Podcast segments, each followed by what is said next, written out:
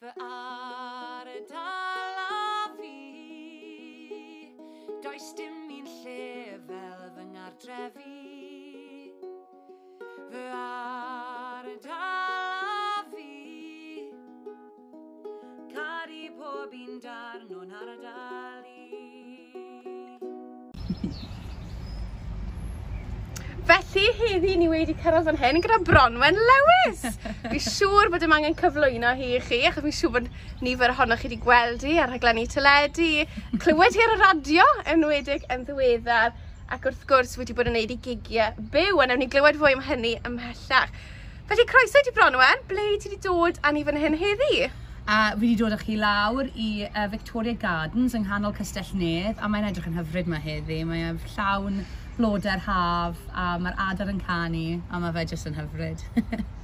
a pam, pam ti'n hoffi dod fan hyn? Wel, fi'n fi, hunan wedi dod mae heddi yeah. nawr. Lly gweld mae'n lyflu. O'n i'n agorio'r llygad mewn ffordd, O'n i'n meddwl, waw, mae'r lle mae mor bert. Ond ti hefyd yn hoffi dod, mae yn, yn ythosol bron. Ydw, ie. Yeah, Wel, o'n i'n arfer, mae dyn ni bandstand reit yng nghanol y parc a o'n i'n neud lot o gigs na yn fyw a pobl yn dod lawr a clywed fi'n canu um, haf 2019 um, a gobeithio gallwn ni mynd nôl i hynny a hefyd o'n i wastad yn hongio mas na pan, pan o'n i'n uh, o'n i'n blentyn, o'n i'n wastad mynd cael y bws lawr o, o blaen dy lais i Gystell Nedd a hongian rownd yn y parc a dde just yn, o, oh, dyddiau da.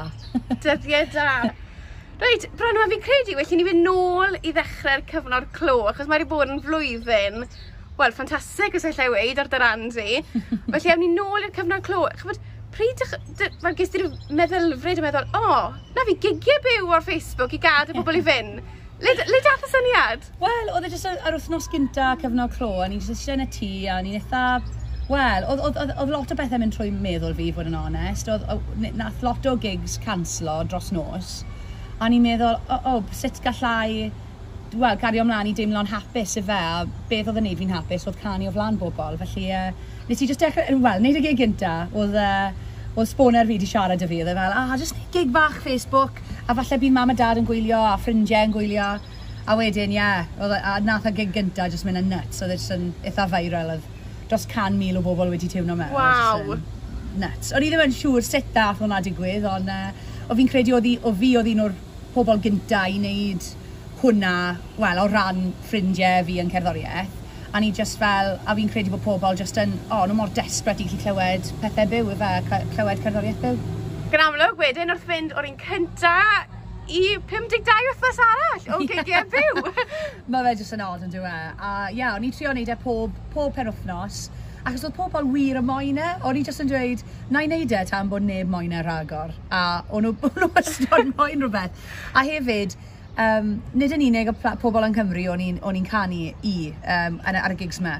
Um, nes i cwrdd â pobl dros y byd i gyd, a oedd, oedd, well, oedd fenyw bach o'r enw Edma yn byw yn Brazil, um, 80, wow. yn ei 80au oedd hi. A ddi'n gwylio pob, pob, pob penwthnos, achos mae dy hi teulu yn Abertawe, ond mae hi'n byw yn Brazil, a ddi just moyn cysylltu dyn nhw gyda rhywbeth poter bach o win ar nos oh. Sadwn. A wedyn oedd fenyw yn, o'r enw Joan yn Florida yn gwylio fi, da teulu hi mas yn Mac Oilen yn Florida. A ni'n meddwl, os byddai jyst yn gigo rhwng Gwstell Nedd, byddai byth yn gallu cwrdd â pobl fel hyn. Felly o'n i eisiau gwedlu gweld y pwer social medias, pwpwer Facebook wrth cysylltu bobl. A mae Facebook yn gallu bod yn lle anodd yn diwedd. Mae pobl, lot o bobl yn ymladd o'n i'n gweld yn wythnos cynta cyfnod clo. Yeah. Ond o'n i wedi gweld y ffordd dda o defnyddio Facebook. Bandant. Cysylltu bobl yn un nhw dimlo llai yeah. wel, ar ei hun, efe? A fi'n teimlo, mae ma cerddoriaeth yn ffordd ei hunan o gyfathrebu. Mm. Chybod, unrhyw iaith, chi dal, chi mwynhau gyda'ch gilydd. Yeah. Wel, peth o'n i'n hoffi hefyd gyda ti, dyfe, oedd y cyneuon amrywiol mae rhaid ti disgran i dy hunan, a cyfres ac yn y blaen, ond hmm. hefyd y iaith Gymraeg yn dod mewn wedyn, a, a fel chi'n gweud, pobl y Brazil yn gwrando yeah. ac yn mwynhau'r Gymraeg. Ie, yeah, ie, yeah. pobl dros y byd i gyd yn gofyn, wel, pobl o Ffrainc yn gofyn yn cael lan, ti'n bod, ar nos Sadwn, achos wow. fel arfer, o pobl sydd wedi symud i ffwrdd o Gymru, a mae dyn nhw hiraeth mawr am yr iaith, yeah. a hiraeth mawr am y gerddoriaeth. A ie, yeah, o'n i jyst yn gallu llenwi'r, uh, llenwi'r twll na o gweld eisiau clywed um, gerddoriaeth Cymraeg. Oedd e jyst yn, a o'n i ffili credu fe, gweld, wel, oedd, oedd, oedd, oedd leia 200 o bobl yn tiwno mewn pob nos Sadwrn. A hyd yn oed, wel, nes i wneud un nawr, cwbl o wythnosau yn ôl, a 200 yn os yna hefyd. So, mae'n jyst yn, ie, yeah, nhw'n cyson, o'n nhw moyn yeah. gwylio, a da fi fel, ni'n galw fer y virtual family o dyn ni, teulu virtual, dy teulu rythwyr. Yeah. Um, a ni mor, mor bles bod nhw wedi cefnogi fi yn ystod cyfnod anodd. O, oh, bendant. A mae rhywbeth i nhw hefyd yn dywech, a mae cyfnod clo, fel ti'n gweud, bod yn gyfnod anodd i bawb yn diwedd. Mm. Felly mae wedi bod mor neis i nhw wybod bod nhw'n gig byw yeah. o'i oes bob yn pan ythas. Mae'n yeah. O, ni'n clywed o bobl bod nhw'n... Uh, o, nhw wedi yfed gormod o gwyn yn gwylio fi'n dawnsio a bod nhw wedi wedyn creu... O'n nhw disgo wedyn yn y gegin ar ôl. A oedd e jyst yn wych, a jyst cael bobl hefyd, pobl oedd yn dathlu pen blwydd y pethau, a dath, dathlu priodasau, neu beth bynnag o'n nhw, o'n nhw fod i gael eu briod, o'n nhw'n ffili. Yeah. O'n i'n gallu gwneud y shout-outs mae nhw, a wneud nhw deimlo slightly well amdano sefyllfa i gyd. That, yeah. A pobl yn cael pen penblwyddi eitha mowr, a, a o'n i'n gallu gwneud shout-out a fel cyfa bach i nhw, neu gan i nhw a o, oh, nhw'n wrth y boddau. So dde'n hyfryd i gallu, ie, yeah, cysylltu bobl yma sydd yn stick yn tŷ nhw, hollol, hollol, uh, um, yeah, jyst yn teimlo'n unig efe, a ni'n gallu dod yn nhw at ei gilydd yeah. trwy cyddoriaeth. Yeah. Ffantastig, o mlaen yeah. i'r gig bach nesa! Yeah! Fy ar y dala fi Does dim un lle fel fy ngardrefi Fy ar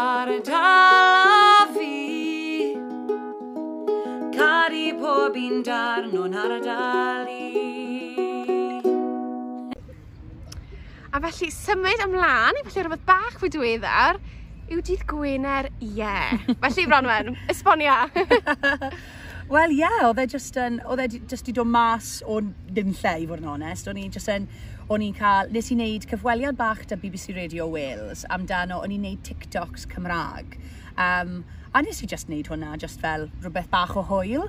Um, a, a eithon nhw'n viral y TikToks me. Um, a nes i cael dros 17,000 o ddilynwyr, um, just yn gwylio'r fideos me, a hoffi nhw, a, o draws y byd ar TikTok.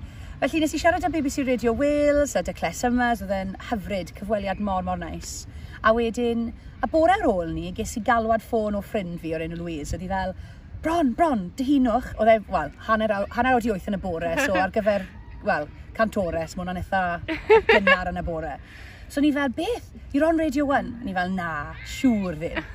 A ni'n meddwl bod i wedi cael e'n wrong o bod fi ar Radio Wales. So nes i roi Alexa ar, a ie, o'n i ar Radio 1. Wow. Greg James yn rhoi fel segment 20 munud i fi. Uh, yn chwarae'r TikToks yma yn llawn, siarad am pa mor cool o dde, um, a bod fi'n internet sensation, a ni'n ffili credu fe. Wow. Ffili, a fi'n fan mowr o Greg James. Anyway. Yeah. Fi'n fi just yn caru, well, just, mae fe mor ddoniol yn diwe, mae fe just yn, ma raglen fe yn amazing. So, yeah, um, felly, o'n i fel, y, uh, so nes i mynd o Wel, nes i ffilmo fy hun yn gwrando i'r cyfweliad yma, dy Greg James. a ni jyst yn dagre, ffili credu, un bod e'n siarad amdano fi, a wedyn dau bod e'n cefnogi'r iaith Gymraeg. Bandant. Ni byth yn clywed ar iaith Gymraeg yn cael fel shout-out ar Radio 1. Mae fe ddys ddim yn digwydd. Na. A ni jyst ffili credu bod hwnna yn digwydd. O'n i mor emosiynol, ni fel, oh, dyma beth i fod yn gweithio am i trio wneud yr iaith Gymraeg yn, yn fwy cool a fwy, jyst agored i bawb efe. Yeah. A ni jyst fel, I've done it. Felly, um, a, wel, y, y pnawn hynna nes i gael galwad ffôn o producer Greg James, Chris, a nath e dweud, um, gallai cael chi ar y raglen bore fori. Ni fel, a, ah, oce, okay, lwcus bod fi'n rhydd. A wedyn, o'n i fel, ie, yeah, ie, yeah, dim problem. A gallech chi cyfieithu Friday gan Rickon, oedd e yn y chat ar, ar y pryd. O'n i fel, a ie, yeah. o'n i fel, dydd Gwener. Mae siŵr bod dydd Gwener, di Sadwr na rhywle. So, ie, uh, yeah, nes i gyfieithu fe a prynawn na, e, recordio fe, wow. danfon e draw i Greg James, a dde mor hapus dy fe. A na, wel, nes i mynd ar y raglen y bore ar ôl. Uh, siarad dy fe, chwarae wrong ends. Um, a nath e chwarae dydd Gwener ie, a wedyn ges i just gymaint o tweets o ysgolion ar draws Gymru a'r plant yn canu dydd Gwener ie, yn ei dosbarthiadau nhw, a jyst gweld plant yn joio eto, achos mae'n i bod yn blwyddyn mor anodd i blant. Ni'n angofio bod plant yn mynd trwy lot yeah. o bethau um, a just gweld nhw i gyd yn dawnsio lan a lawr a clywed fi ar y radio a meddwl bod e mor cool o'n i fel, oh, o'n i mor mor hapus. A wedyn nath Greg James neud shout-out i'r ysgolion i gyd wedyn. Mm. Yeah. um, a, a nes i wneud jingle i Greg James hefyd so maen nhw wedi bod yn mor mor hyfryd i fi. A nes i gofyn i Greg um, pan ni offe, a nes i gofyn i Greg pam pam wyt ti wedi wneud hwn? Yeah. pam? A dde fe wel un fi'n offi cerddoriaeth ti yma fe'n cool. Ond doi, mae ma gen i teulu o Merthyr Tydfil. So wow. mae mam gi fi'n dod o Merthyr, nath e ddeud. A dde fel, o'n i di, wel, wastod treulio gwyliau lawr yn, o'n i di cael gwyliau ar ôl gwyliau lawr yn, um, yn, yn De Cymru, felly dyn ni yn caru'r iaith. A fi'n ffrindiau dad o Steffan Powell. A mae oedd e jyst fel, oedd e, oedd e jyst yn neud synwyr. Wow. So, am ddyn mor mor hyfryd yeah. a chwarae teg i radio un efe. Fi'n cofio nes i yn hunan, nes i fynd ar trydar y dod hynny a si waw. Chybod, fel, fel wched, jyst yn gallu gweld y plant yn mwynhau fel y ti'n gweud, a, a gweld bod y iaith Gymraeg, mae e'n cool. Ie. Yeah. Yeah, Chi wastad wedi gwybod hynny yeah. tel, ond mae fe yn anodd i cael plant ar ein ochr ni, achos weithiau maen nhw'n gweld yr iaith Gymraeg fel just y amynau, neu just bod ni'n gallu defnyddio fe yn ysgol a bod e'n fel reol. A pan ydych chi'n neud iaith yn reol, mae e'n cymryd y hwyl mas o fe. Bendant. Felly o'n i moyn dangos i plant. Mae fe'n dewis i defnyddio'r iaith, yeah. nid reol. Yeah. Mae ti yn gallu defnyddio fe, mae fe'n cool. A os mae Greg James yn meddwl bod e'n cool, Wel, na fe. y fe. So, o'r diwedd fi lli dweud o'r plant, com, mae Greg James yn chwarae Cymraeg ar Radio 1, mae fe'n cool. So, ond, ie, yeah, dyna, mae pobl yn gwestiwn gofyn beth oedd fel amcan chi yn eich gyrfa chi. A wrth gwrs, o'n i moyn cael cerddoriaeth fi mas na, a moyn bod yn, wel, enwog mewn rhyw ffordd am creu cerddoriaeth greiddiol. Mm. Ond a, a, peth, a peth ar y brig oedd, um, oedd da, dangos pa mor gwych a hyfryd a prydferth yw'r iaith achos fi mor, mor brof o fi'n gallu siarad Cymraeg. Mae teulu fi, does dim lot o teulu fi yn siarad Cymraeg, mae mam a dad ddim. Um, felly, Ond mae dal yn siarad tipyn bach, mam ddim yn siarad o gwbl. Um, maen nhw'n gallu deall, ond nhw'n nhw wneud y, y, y, y, dewis i danfon fi ysgol Gymraeg. A yeah. fi wastod yn meddwl pa mor lwcus fi wedi bod i gael yr iaith yma. A ni yn lwcus bod ni yn gallu siarad a canu yn y iaith mor hyfryd yma. Bend, bend. A, a, ni mor used i clywed yr iaith Gymraeg, bod ni fel, o, mae rhywbeth eitha cyffredin arferol.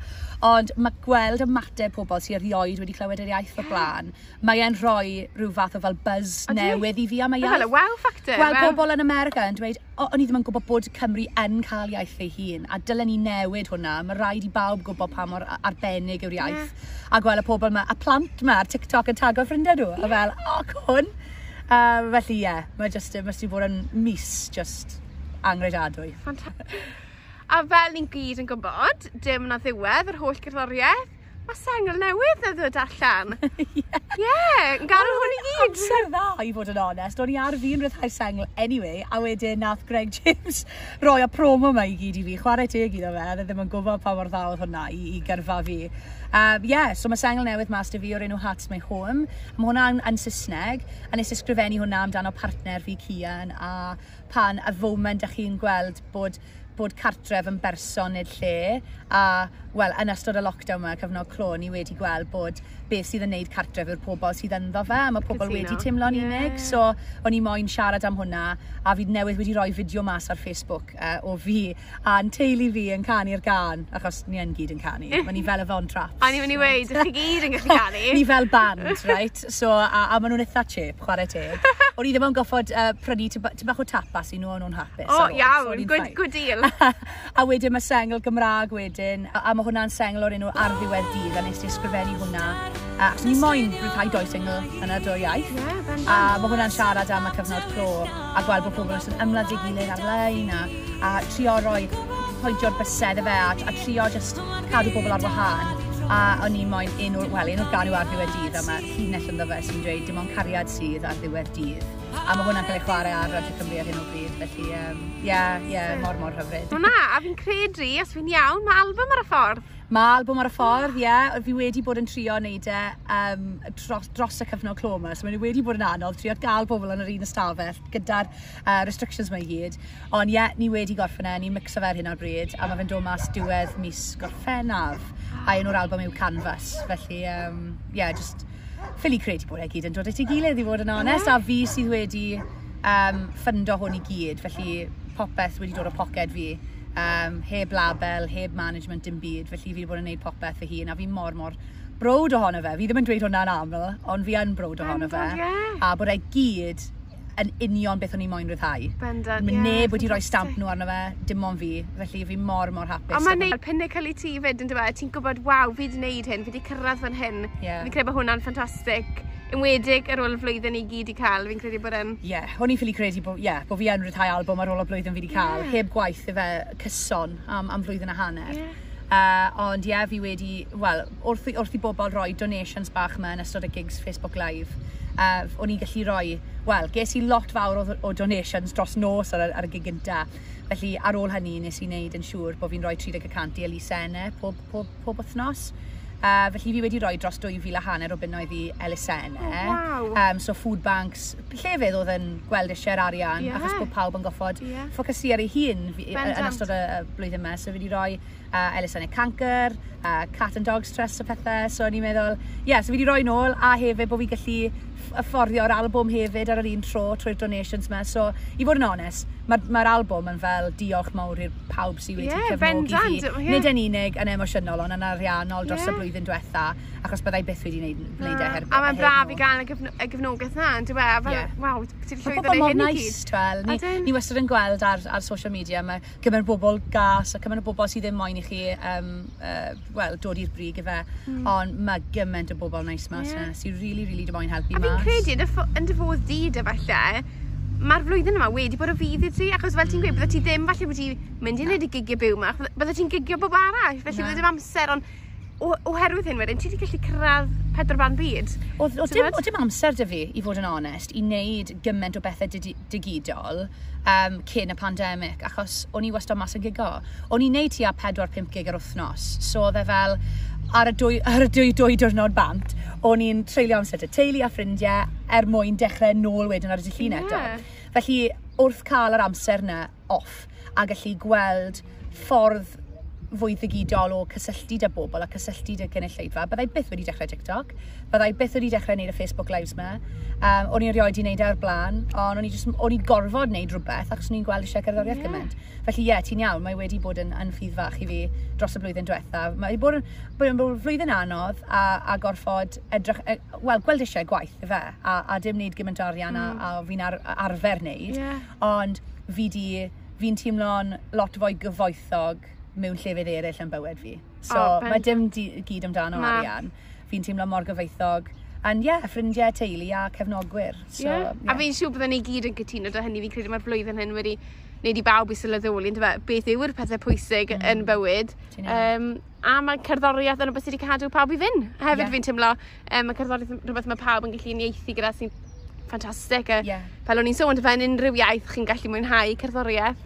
Um, yeah, a fi wir ffili aros am yr album oh, newydd a'r seng newydd ma. Diolch. Felly pawb sy'n gwrando nawr, cadwch chi gad mas a popeth. Um, Wel, ti ar Spotify, ti ar yeah. Facebook, ti ar Instagram, yeah. bach o bobeth. Fi sy'n dweud, edrychwch am y fenyw sydd â gwallt coch a eyebrows mawr, a bydde ti gallu ffindo fi. Bronwen, mae fe'n hawdd. fi, yr unig bronwen arall fi'n gwybod, um, mae'n edrych ar ôl David. So os, ma, os, os, os does dim de, David yn y profile pic, dyle fe bod y, y person go iawn fel arfer. Ond ie, yeah, fi'n rhyddhau yr albwm a'r um, label fy hun nawr hefyd. So, ie. Yeah, Fantastic. so, so Alaw Records, os ydych chi moyn dilyn Alaw Records ar Instagram hefyd, dyna label fi. A fi'n edrych am talent newydd Cymraeg i gallu helpu bobl eraill sydd oedd yn sefyllfa fi cwpl o flynyddoedd yn ôl a moyn rhyddhau cerddoriaeth Cymraeg. Felly, ie, yeah, os ydych chi on, yn moyn yeah, ymuno'r teulu a lawr records, mae hwnna'n cool hefyd. Fantastic, wel, mae digon ar y gweill ti a fi'n yeah. siŵr bod ni gyd methu aros. O, oh, diolch. Fy ar y dal a fi Does dim un lle fel fy ngardrefi Fy ar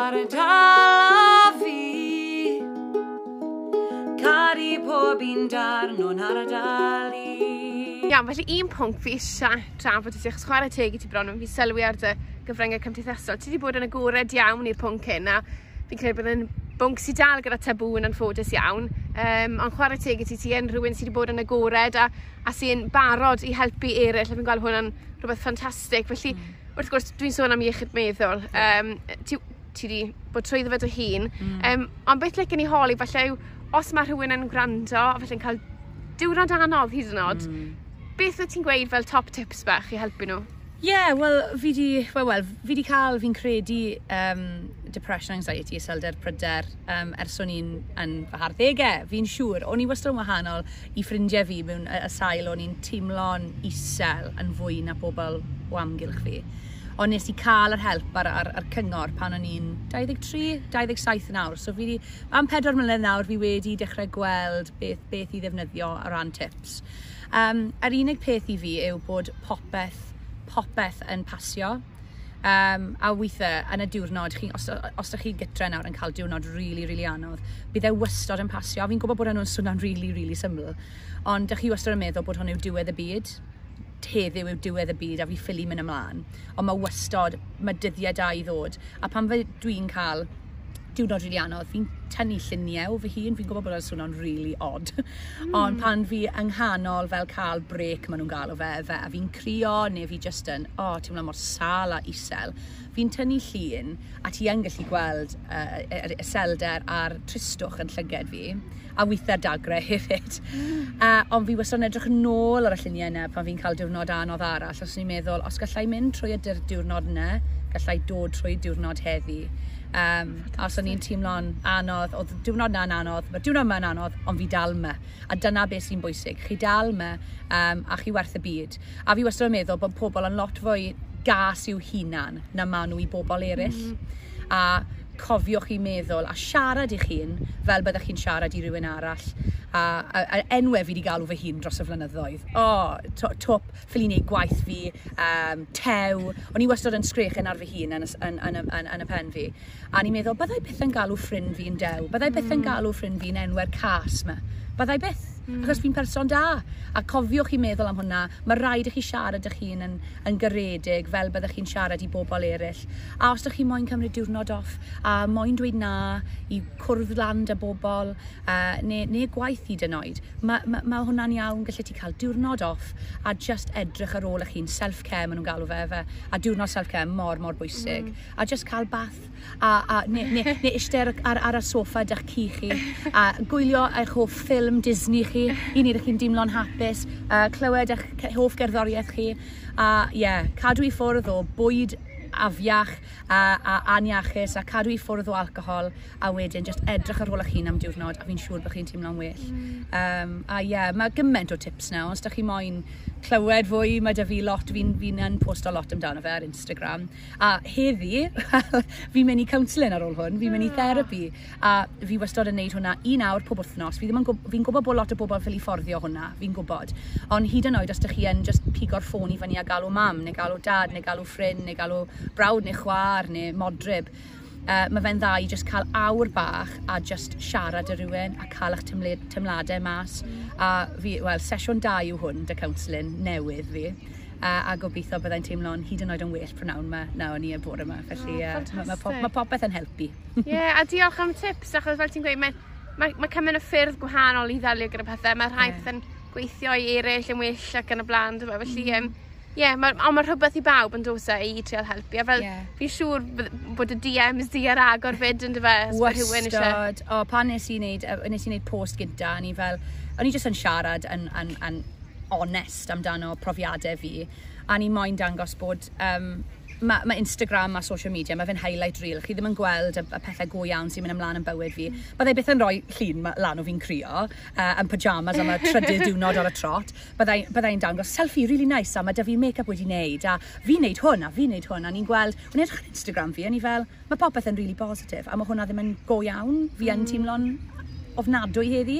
Felly nes i dechrau posto am hynny a, a ges i lot fawr o DMs o bobl. Chi yn pryderu a meddwl am falle rhywun sydd yn agos i chi neu eich hun, um, please just roi'ch DM, roi DM i fi ar Instagram a na i trio helpu. Achos yn y cyfnod, ni wedi gweld helpu yn cymdog, cymdogion a helpu pobl. Dydy hyd yn oed ddim yn gwybod yn peth really, really bwysig yn diwedd. E? Felly, oh, yeah. o, diolch yn fawr am y top tips na. Fi'n siŵr bod pawb sy'n gwrando yn ddiolchgar iawn i gael nhw hefyd. A, mm. um, Iechyd a hapusrwydd yw bopeth. Uh, Wedyn ni'n siarad am hynny gynnau. Mae ma just bod yn hapus. Dych chi'n haiddi bod yn hapus. A, a mae ma pawb dylen nhw cael y siawns i dimlo'n hapus. Felly pidwch sef sefyll yn eich ffordd eich hun. Mae rhaid siarad â bobl a codi pobore a falle teimlo'n fwy hapus. Wel, fi'n credu orffen Bronwen, ewn ni sôn falle am dychafbwyd ti. Hyd yn hyn, do, ti dal, ti dal yn ifanc, ti dal yn, mewn ffordd yn dechrau dy yrfa di. Ond falle beth byddai'r ychafbwynt hyd yn hyn i ti? Um, fi'n credu, um, wel, fi'n credu def, definitely y gig gyntaf ar Facebook, lle nath gymaint o bobl tiwna mewn a just gweld gymaint o bobl yn siarad ei gilydd a cysylltu yn y, yn y sylwadau. A just gweld y cariad na, a dde just yn, a, a, a, yn enwedig yn y wythnos cynta cyfnod clo, o'n i ddim yn gwybod beth oedd yn mynd ymlaen, o'n i'n hollol pryderus, o'n i'n isel, a just gweld y cariad na, o, hwnna'n uchaf bwyd blwyddyn fi, mae rhaid i fi ddweud. A wrth gwrs, siarad y Greg James ar y radio, a bod yn fan mowr o fe, a bod fe'n siarad am yr iaith Gymraeg mewn ffordd mor positif a bod e'n just yn cefnogi ni fel, fel pobl Cymraeg i fe, pobl yeah. sydd sydd yn siarad yeah. Cymraeg a gweld y plant yn dawnsio i dydd Gwener Ien y dosbarthiadau. Mae, fi wedi cael cymaint o uchafbwynt a hefyd helpu pobl trwy iechyd meddwl. A helpu pobl go iawn y fe. Yeah. Ma, fel ni wedi dweud, mae ma pethau ariannol yn dod ac yn mynd, ond mae rhaid i chi fod yn gyfoethog mewn hapusrwydd a blwyddyn mae fi wedi bod. Oh, ffantastig. Wel, mae'n ma hyfryd i glywed fi'n credu. A fel, er bod blwyddyn hyn fi'n credu wedi bod falle Wel, yn drist i bob un yn dweud mm. blwyddyn anodd, a fi'n credu mewn ffordd, mae lot o bethau da wedi dod allan o, o, o lenni, a fi'n credu mae lot o bethau dyn ni fod yn ddiolchgar amdano, a fi'n credu, yeah. peth pwysica, yw ymlaen i gerddoriaeth Cymraeg. Yeah. Fi'n credu bod dyfodol disgler iawn gyda cerddoriaeth ah, Cymraeg. Oh, gobeithio, fi'n siŵr bod e. Fi wastad wedi meddwl hynny, ond uh, nawr mae'r byd yn, yn dal i fyny, felly e, uh, yeah. edrych mlaen i'r blynyddoedd nesaf yma. Felly cadwch lygan, fab, Bronwen Lewis i'r dyfodol. Diolch i ti, Bronwen. Diolch o galon. Diolch. Ar y a fi Does dim un lle fel fy ngardrefi Fy ar y dala fi Caru pob un darn o'n ar y